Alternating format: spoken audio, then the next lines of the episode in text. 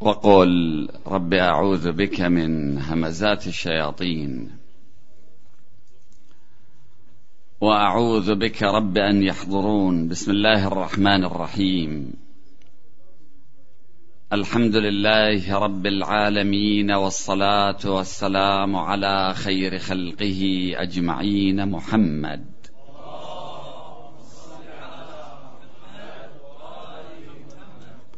وعلى أهل بيته الطيبين الطاهرين المعصومين المكرمين وبعد. قال الله العظيم في كتابه الكريم إن المنافقين في الدرك الأسفل من النار. ولن تجد لهم نصيرا إلا الذين تابوا وأصلحوا واعتصموا بالله وأخلصوا دينهم لله فأولئك مع المؤمنين. وسوف يؤتي الله المؤمنين أجرا عظيما. ما يفعل الله بعذابكم إن شكرتم وآمنتم وكان الله شاكرا عليما. آمنا بالله صدق الله العلي العظيم. مع كل ما في الآيات والروايات من آيات التحذير من المعاصي والتحذير من العذاب من العقاب من الحساب من نار جهنم فإن علينا أن نحسن الظن بالله وأن نأمل رحمته وعفوه وعطفه ومغفرته وجنته. الله أشد المعاقبين.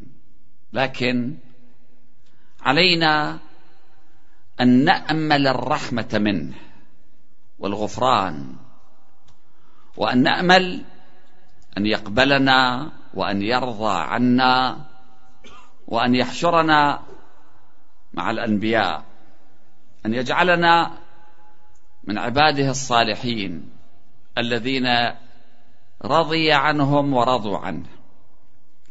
لماذا؟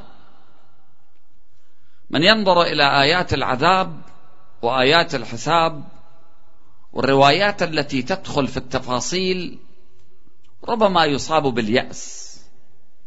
لكن هذا أمر لا يريده الله. من أكبر الذنوب اليأس من رحمة الله. هذا أكبر من أي ذنب آخر. اولا لأن رحمة الله سبقت غضبه. ومعنى ذلك أن القاعدة الأساسية هي رحمة الله. والعذاب هو الاستثناء. ما دام هنالك سبيل إلى رحمة الله فالله أرحم الراحمين. إلا إذا أن العبد سد على نفسه أبواب رحمة الله. العتب حينئذ لا يلومن إلا نفسه. رب العالمين يريد أن يرحمنا. وإلا ما خلقنا وما خلق كل هذه النعم من أجلنا. يريد أن يرحم. ربنا يريد أن يعطي. ربنا يريد أن يغفر. الله ما خلق الجنة لكي تكون فارغة. الله خلق الجنة ليملأها بعباد الله الصالحين. اذا القاعدة الأساسية هي الرحمة وهذا معنى أن رحمة الله سبقت غضبه. القاعدة هي الغفران القاعدة هي الرحمة والعذاب والحساب والعقاب استثناء في أمر الله عز وجل. ثانيا إن الله كما لا ينتفع بطاعاتنا لا ينتفع بعذابنا. لو أن البشرية كلها صلت وصامت وأطاعت هل كل تلك الإطاعات تزيد في عزة الله في عظمة الله في قدرة الله في حكمة الله؟ أبدا. لا طاعة العباد تنفعه ولا معصية العباد تضره. فكما أن الله لا ينتفع بطاعة العباد لا ينتفع بعذاب العباد. قل ربنا عز وجل يقول ما يفعل الله بعذابكم إن شكرتم.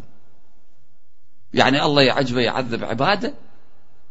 وقد خلقهم وأودع فيهم علمه وحكمته وقدرته. كل هذه الأجهزة اللي هي فقط في الجانب المادي في جسم الإنسان.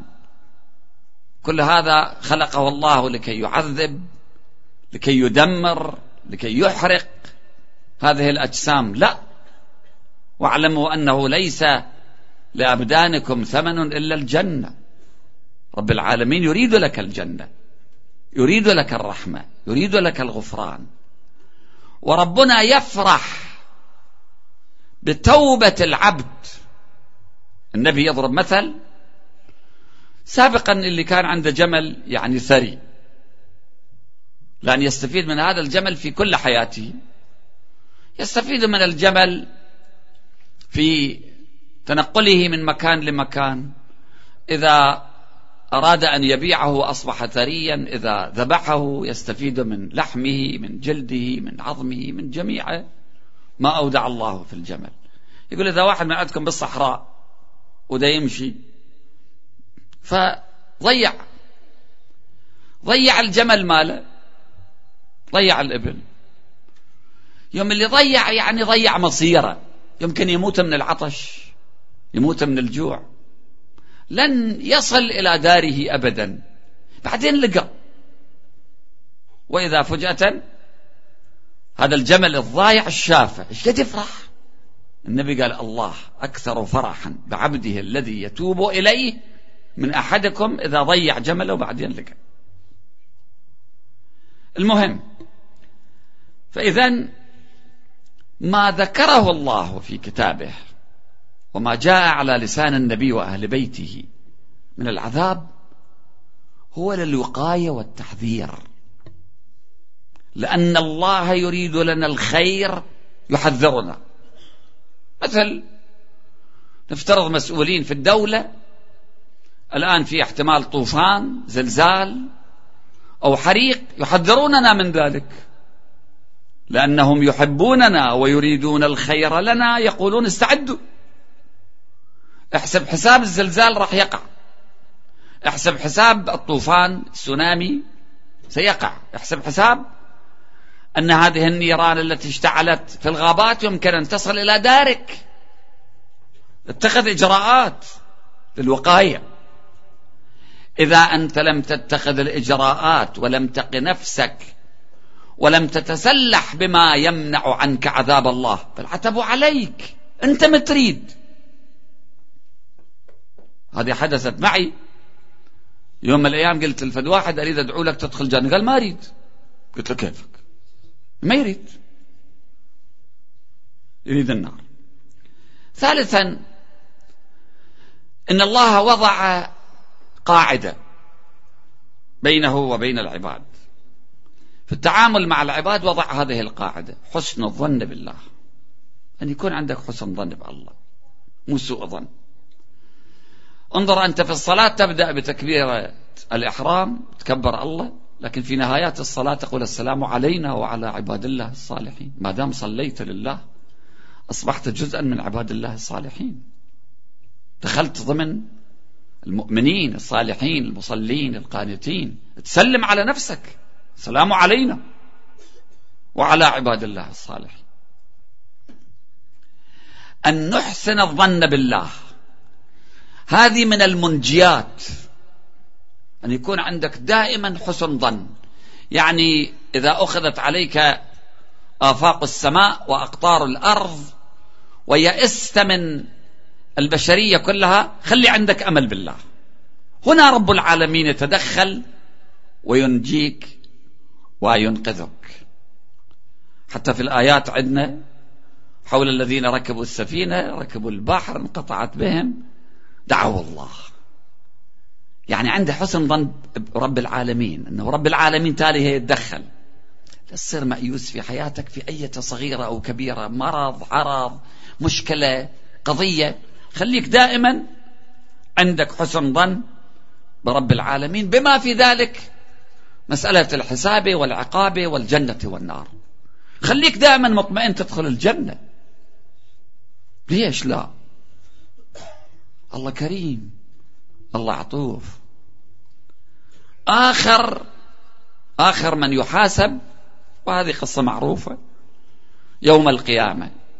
يوم القيامة يوم طويل. إن شاء الله نتحدث في الليلة عن يوم القيامة. ممكن في حدود 18 مليار و200 مليون سنة يوم القيامة. مو يوم 24 ساعة و12 ساعة. هؤلاء الذين يقفون للحساب. طبعا البشرية وكل من خلق الله عز وجل يحاسبون في ذلك اليوم. حساب دقيق في كتاب لا يغادر صغيرة ولا كبيرة لأن النتيجة عظيمة إما جنة وإما نار. يعني مو القضاة هناك يمشون بسرعة يمشون شلون ما كان مثل قضاة الطغاة. الأسماء جاية مسبقا يجيبون فقط للمظهر المتهمين في قاعة المحكمة يحكم على مجموعة بالإعدام مجموعة سجن مؤبد مجموعة عشر سنوات يلا يمشي ماكو هذا الشيء. نهاية مصيرية. فهذا الذي يحاسب آخر واحد. يعني كل هذه المدة ينتظر. في صحراء القيامة. ذاك الحر الشديد. الناس يبعثون من قبورهم كما ولدوا. حفاة عراة غرلة. يعني غير مختونين. بس منو بحال أحد؟ إن زلزلة الساعة شيء عظيم. يوم تذهل كل مرضعة عما أرضعت. هذا كل هاي المدة منتظر آخر من يحاسب. ما عنده حسنات فيؤمر به إلى النار. ملائكة يجرون به. فيلتفت. الله يقول لماذا تلتفت؟ يعني يطالع وراه. كأنه يدور الشيء يدور رحمة الله. يقول يا رب ما كان ظني بك هكذا. ما كنت أظن أنه بعد طول هاي المدة اللي عطلتني في صحراء القيامة تأمر بي إلى النار. ما كان ظني بك هكذا. الله يقول كذب عبدي. ما أحسن الظن بي قط. ولا مرة أحسن الظن بي. ولا مرة كان يتوقع من عند الجنة. ولكن أجيز له كذبته.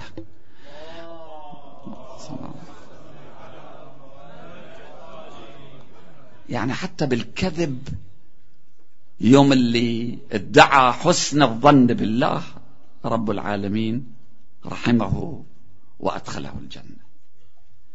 هذه قاعدة للتعامل بين العبد وبين الرب أن نحسن الظن بالله. شوف في دعاء الافتتاح تقول وأشهد أنك أشد المعاقبين في موضع النكال والنقمة. بس هاي الكلمة هاي الجملة تجي ورا جملة أشهد أنك أرحم الراحمين في موضع العفو والرحمة. وأشد المعاقبين في موضع النكال والنقمة. أشد المعاقبين يأتي بعد أرحم الراحمين. شنو معنى أرحم الراحمين؟ يعني أية رحمة تخطر في بالك؟ فرب العالمين أرحم من ذلك.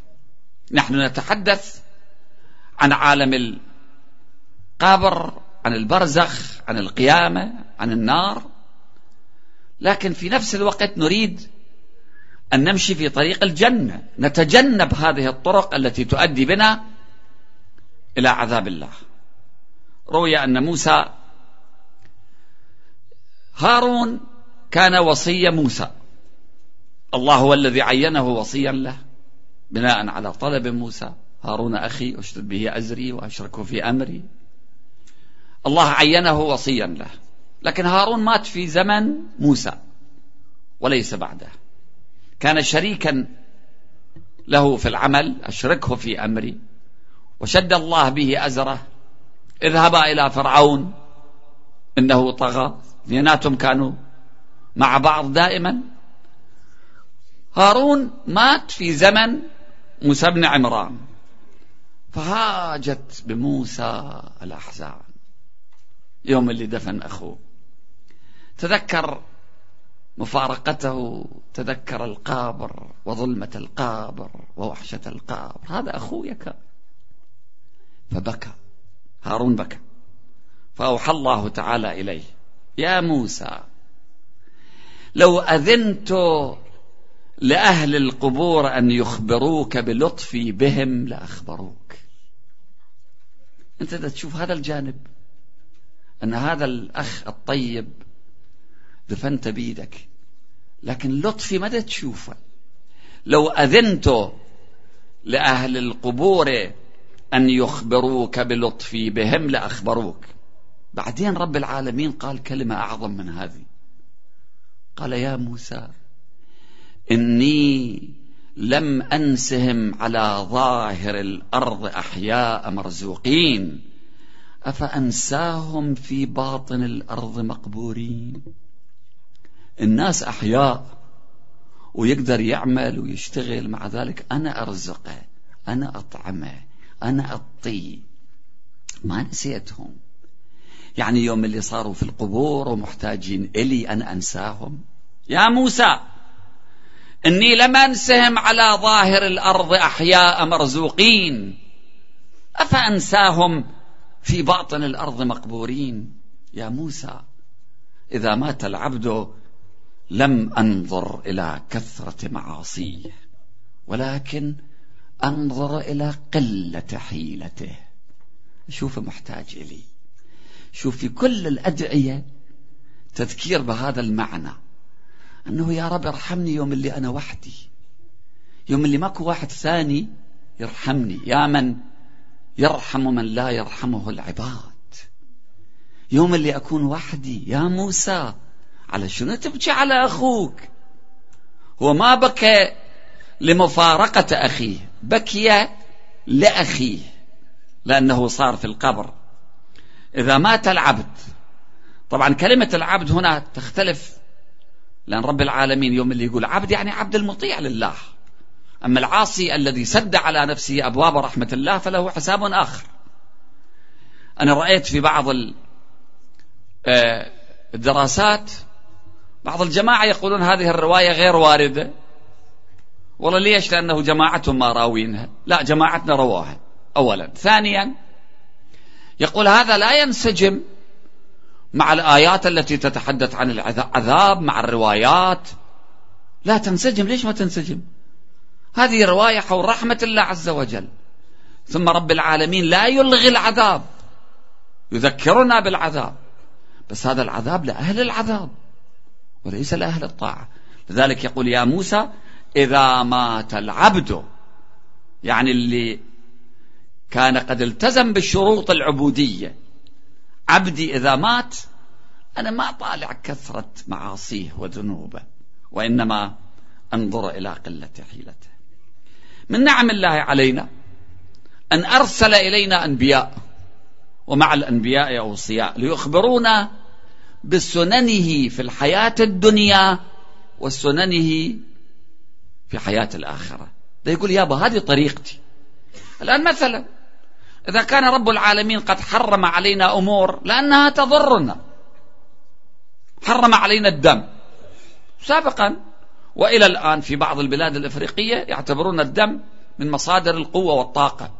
يشربون الدم. بس اليوم إحنا نعرف أنه من وين نكتشف الميكروبات والأمراض الموجودة في جسم إنسان؟ من دمه. هذا الدم مليء بما يضر الإنسان ولا ينفعه. زين الله حرم ظلم مرتعه وخيم. الله حرم على الناس أمور كثيرة لكن لمصلحته. نفس القضية فيما يرتبط بالآخر. أعلمنا سننه في الحياة الدنيا لمصلحتنا. لأنه يريد أن يرحمنا لأنه يريد أن يسعدنا. وأيضا بين الأنبياء ما يضرنا في القابر ما ينفعنا في القابر ما يضرنا في عالم البرزخ بشكل عام يوم القيامة. كل هذه حتى إحنا نعيش سعداء في هذه الدار والآخرة. من نعمه أنه حذرنا من عقابه وبشرنا بثوابه.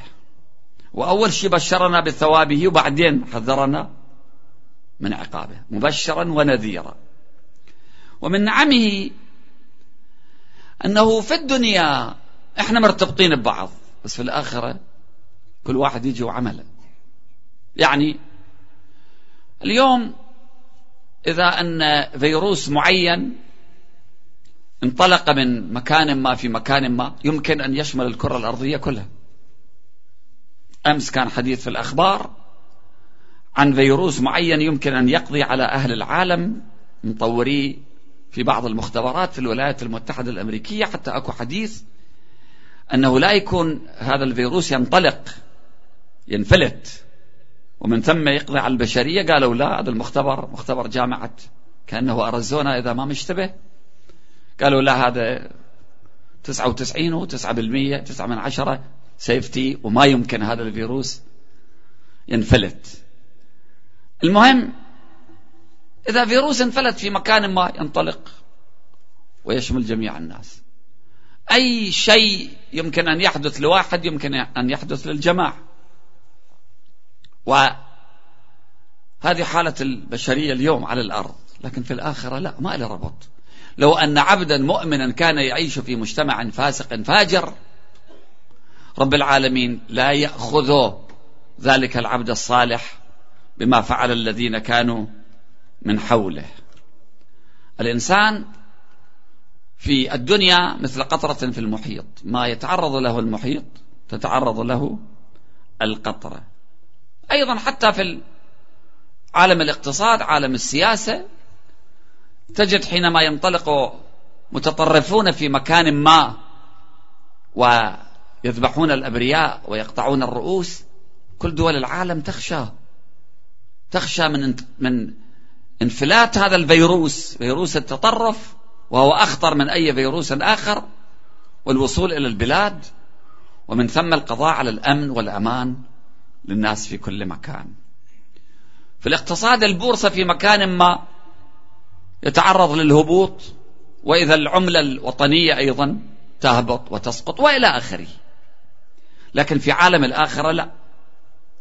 لا ابن نوح عذابه ينتقل إلى أبيه ولا معاصي فرعون تنتقل إلى زوجته آسيا بنت مزاحم الإمام الرضا سلام الله عليه وهو من أئمة أهل البيت الصالحين الصادقين الأخيار بإجماع المسلمين مدفون في خراسان. في مقامه المعروف في مشهد. مدفون على بعد ثلاثة أذرع من قبر هارون الرشيد.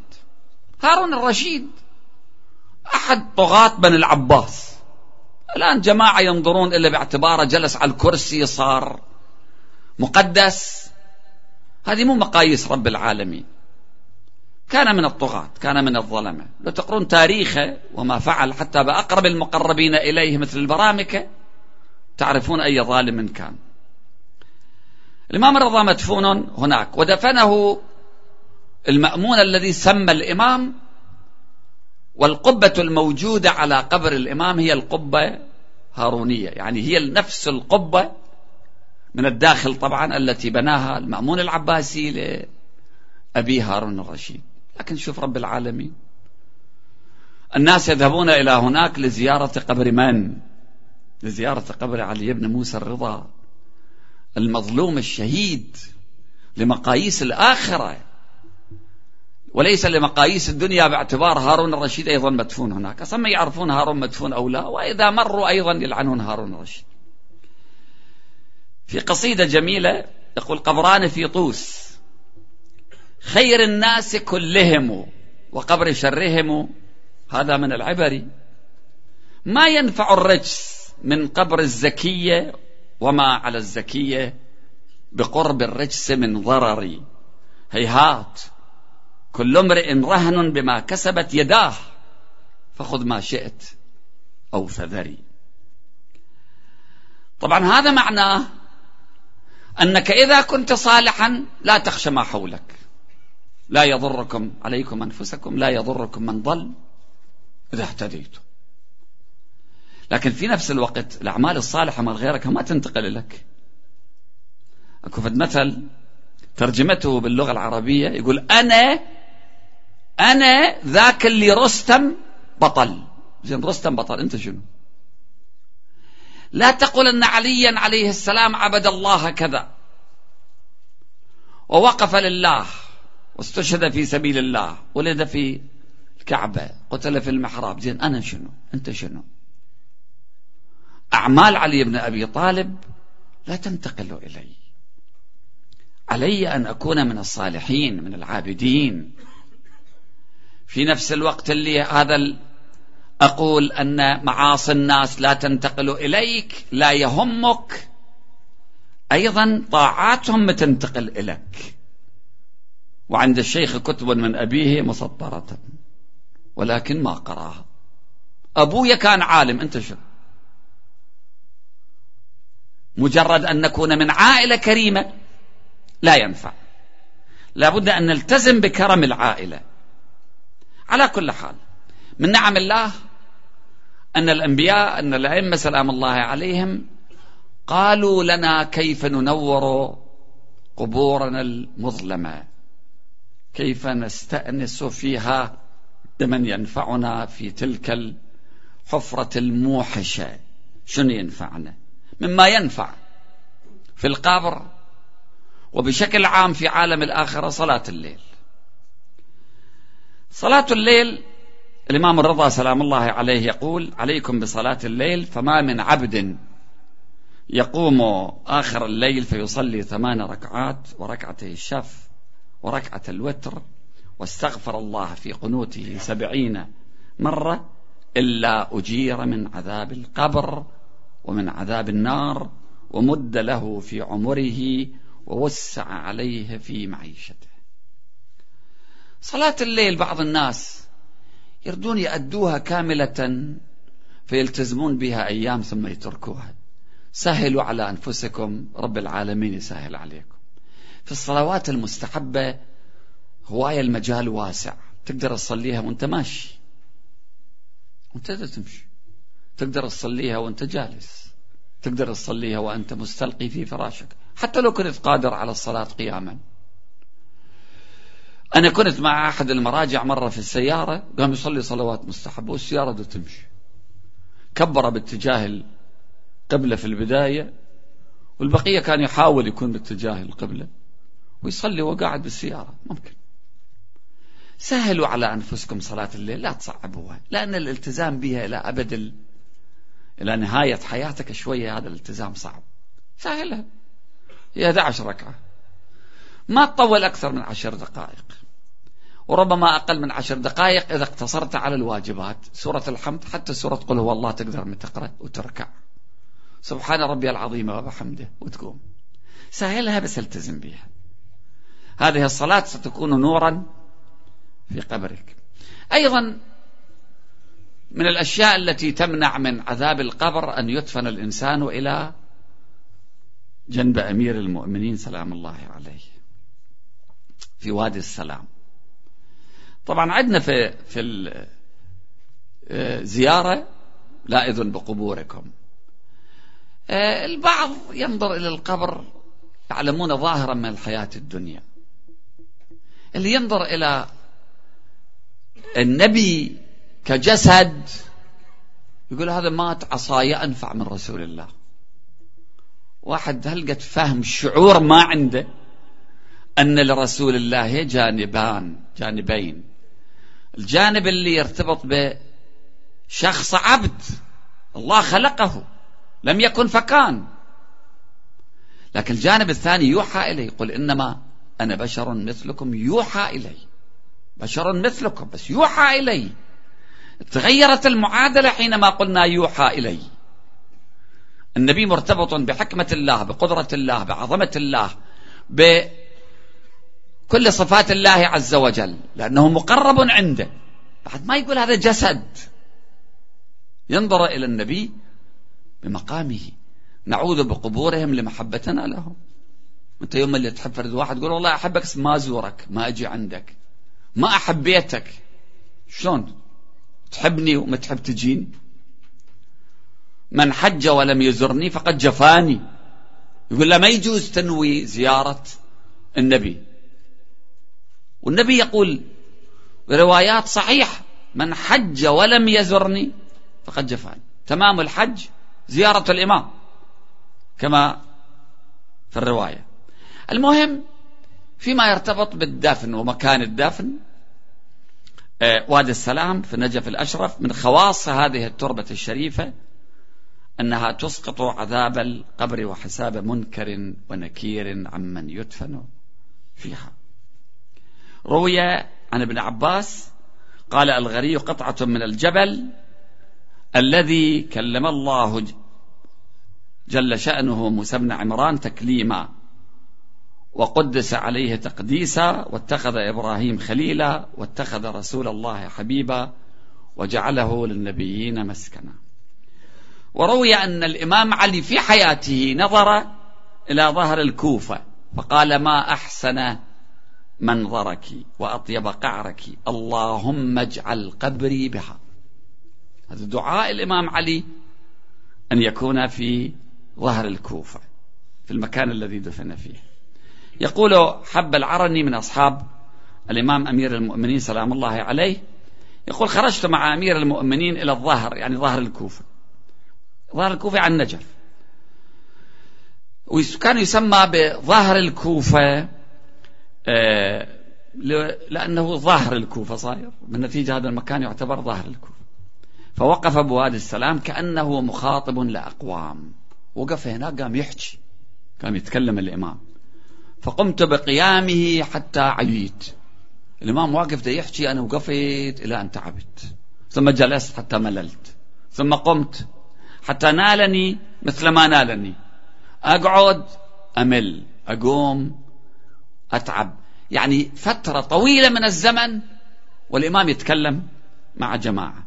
ثم جلست حتى مللت. ثم قمت وجمعت ردائي. فقلت يا أمير المؤمنين إني قد أشفقت عليك من طول القيام فراحة ساعة شوي ريح نفسك. فقال يا حبة إن هو إلا محادثة مؤمن أو مؤانسته. قلت يا أمير المؤمنين وإنهم لكذلك؟ قال نعم. ولو كشف لك لرأيتهم حلقا حلقا محتبين يتحادثون. قاعدين حلق أرواح المؤمنين. قلت أجسام أم أرواح؟ قال أرواح.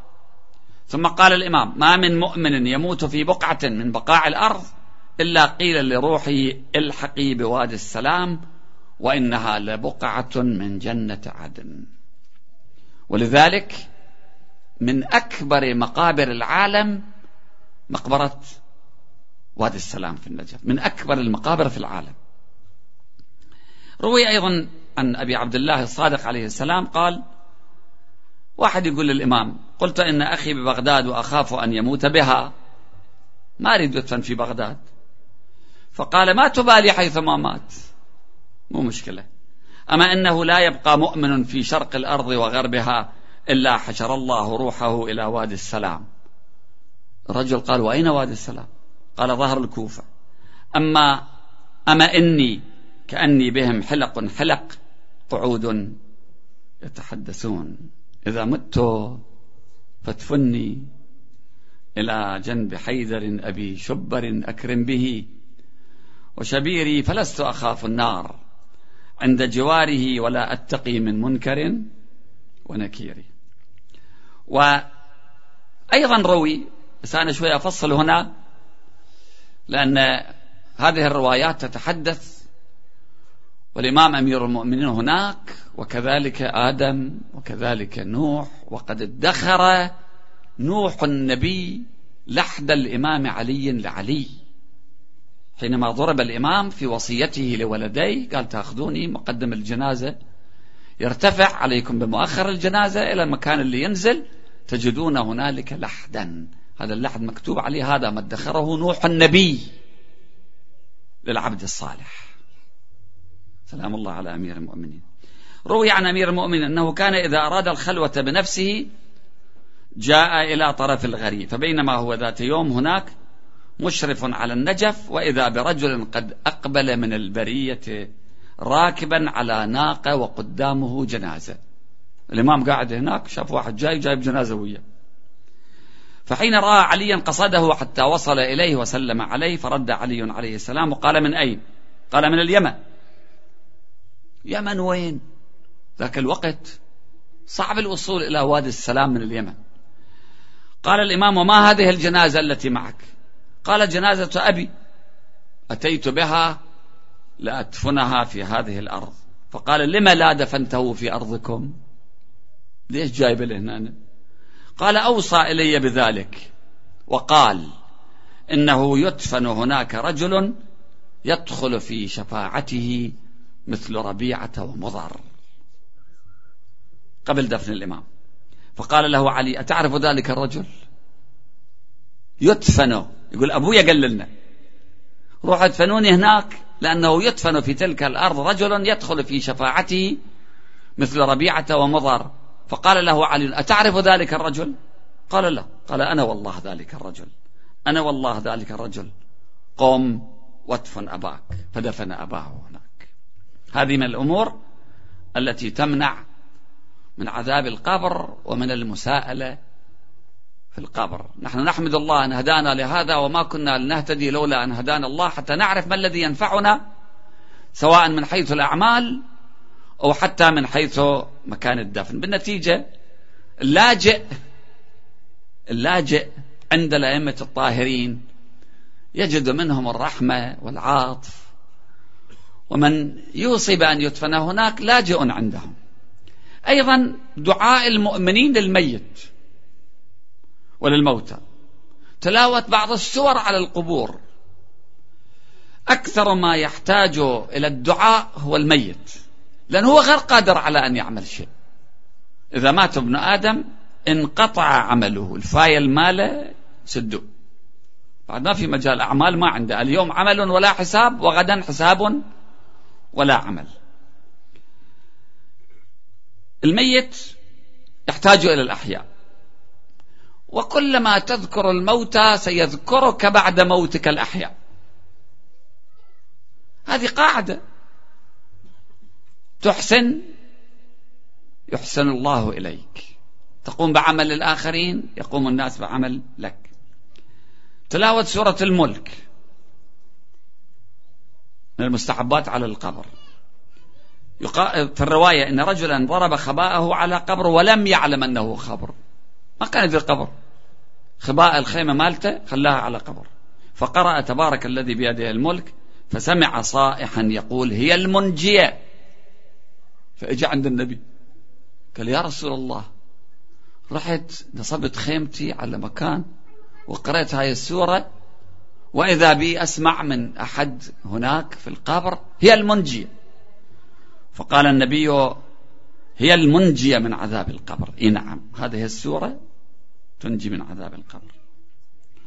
طلب المغفرة للميت بعد الصلاة على النبي وبحق النبي وآل النبي. الله هو يحب نبيه. ما من أحد يقول عند قبر ميت ثلاث اللهم إني أسألك بحق محمد وآل محمد أن لا تعذب هذا الميت إلا دفع الله عنه العذاب إلى يوم ينفخ في الصور. يعني الله يأجل لحرمة النبي. النبي مقام عظيم عند ربه.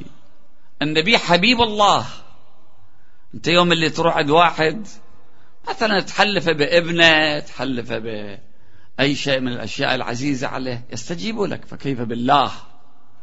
وأنت تستغيث برسول الله. ولو أنهم إذ ظلموا أنفسهم جاءوك فاستغفروا الله واستغفر لهم الرسول لوجدوا الله توابا رحيما. إعطاء الصدقة للميت. والي خراسان شافوه بالحلم. قال هاي اللقمة هاي القطعة من اللحم اللي ترموها للقطط أجلكم الله والكلاب أحتاج إلها ولو بمقدار لقمة ترميها لقطة. قال رسول الله أهدوا لموتاكم. أعطوه هدية. فقلنا يا رسول الله وما هدية الأموات؟ قال الصدقة والدعاء. صدقة تعطي عنا. على فكرة راح نروح عندهم. يعني الآن نقدم لهم هدايا وبكرة يتلقونه المؤمنين بمجرد أن تخرج أرواحهم من أبدانهم سيجدون أقرباءهم جايين لاستقبالهم مثل أي قادم من مكان بعيد. وقال إن أرواح المؤمنين تأتي كل جمعة إلى السماء الدنيا بحذاء دورهم. الأرواح تجي يم البيوت. ينادي كل واحد منهم بصوت حزين باكين يا أهلي ويا ولدي ويا أبي ويا أمي ويا أقربائي أعطفوا علينا يرحمكم الله بالذي كان في أيدينا والويل والحساب علينا والمنفعة لغيرنا. يا أولادي هذا البيت اللي جالسيه كان ملكي صار عندكم. الحساب علي والمنفعة لكم. شوية هم يهتموا بينا. وينادي كل واحد منهم إلى أقربائه أعطفوا علينا بدرهم أو برغيف أو بكسوة يكسوكم الله من لباس الجنة. طبعا أيضا أقرأ هذا الحديث وأتم الكلام. الموتى كما في الأحاديث يأتون في شهر رمضان ويصيح كل واحد منهم باكيا يا أهلاه يا قرابتاه أعطفوا علينا بشيء يرحمكم الله واذكرونا ولا تنسونا بالدعاء. وترحموا علينا وعلى غربتنا فإنا قد بقينا في سجن ضيق وغم طويل وشد فارحمونا. ولا تبخلوا علينا بالدعاء والصدقة لعل الله يرحمنا قبل أن تكونوا مثلنا. قبل ما تصيرون مثلنا ارحمونا. فوا حسرتاه قد كنا قادرين مثل ما أنتم قادرون. إحنا هم كنا مثلكم. الآن تقدر ما تسوي إحنا هم كنا نقدر ما سوينا. يا عباد الله اسمعوا كلامنا. ولا تنسونا فإنكم ستعلمون غدا فإن الفضول التي في أيديكم كانت في أيدينا. لو دامت لغيرك ما وصلت إليك. فكنا لا ننفق في طاعة الله. ومنعنا عن الحق. فصار وبالا علينا ومنفعة لغيرنا اعطفوا علينا بدرهم أو رغيف أو بكسوة. ثم ينادون ما أسرع ما تبكون على أنفسكم؟ اليوم إحنا نبكي على أنفسنا باكر أنتم تبكون على أنفسكم. ولا ينفعكم كما نحن نبكي ولا ينفعنا. فاجتهدوا قبل أن تكونوا مثلنا. رب العالمين لا يريد أن يعذبنا لأنه لا ينتفع بعذابنا إنما يريدنا للخير وإذا تحدث عن العذاب والعقاب والحساب فللوقاية ولكي يبين سنته في حياة الآخرة كما بين سنته في الحياة الدنيا وإلا ربنا يقول ما يفعل الله بعذابكم إن شكرتم وآمنتم وكان الله شاكرا عليما. تشكر الله يشكرك الله. تتوب إلى الله يتوب الله عليك. ولذلك نقول إن الله تواب. هو من يتوب على من؟ نحن نتوب آه، عند الله. لكن الله يسمي نفسه تواب. تتوب فيتوب عليك. تشكره فيشكرك. تذكره فيذكرك. وآخر دعوانا أن الحمد لله رب العالمين وصلى اللهم على محمد وأهل بيته الطيبين الطاهرين.